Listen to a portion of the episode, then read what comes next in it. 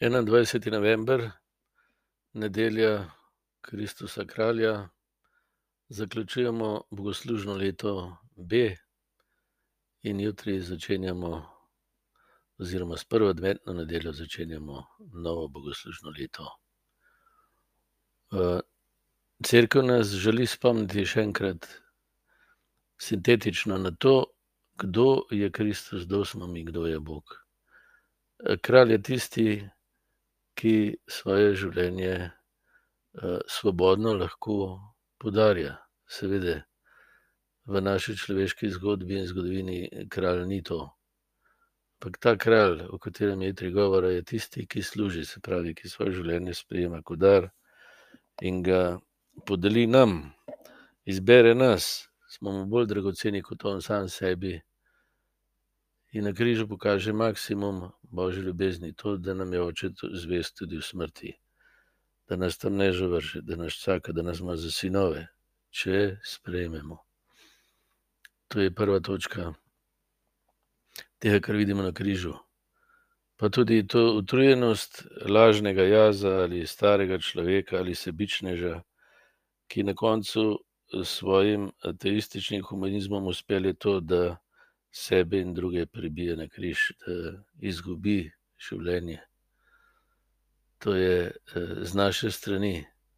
Križ kaže na moč nemoči, skozi katero moramo vsi da se naučimo, da je božja ljubezen najmočnejša tam, kjer smo mi najbolj šibki, se pravi v sprejemanju tega, da smo dar in da to upamo deliti drug z drugim. To se najbolj počasi učimo pa najbolj na trdo gre. Vse življenje.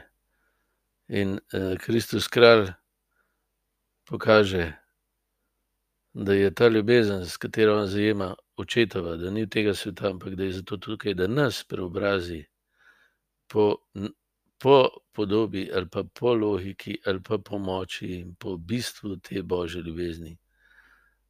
Bog me gleda skozi svojo ljubezen, ne skozi moje, zlo, strah, žalost, jezo, nevoščljivost in tako naprej. vse to me trga od njegove in od ljubezni do sebe in od veselja do vas. S tem, ko se prepuščam, zanikam izvor svoje legitimnosti, ki je božja ljubezen, in začnem živeti svoje življenje kot muko.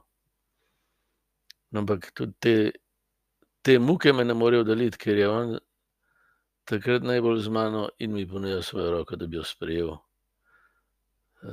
in z njim hrepenel živeti po logiki njegove ljubezni, ki je sprejemanje daru in podarjanje daru, ki je popolnoma zastonj. To je kralj, ki osvobaja moje srce. Strahu zate, zase in ujetosti, vase.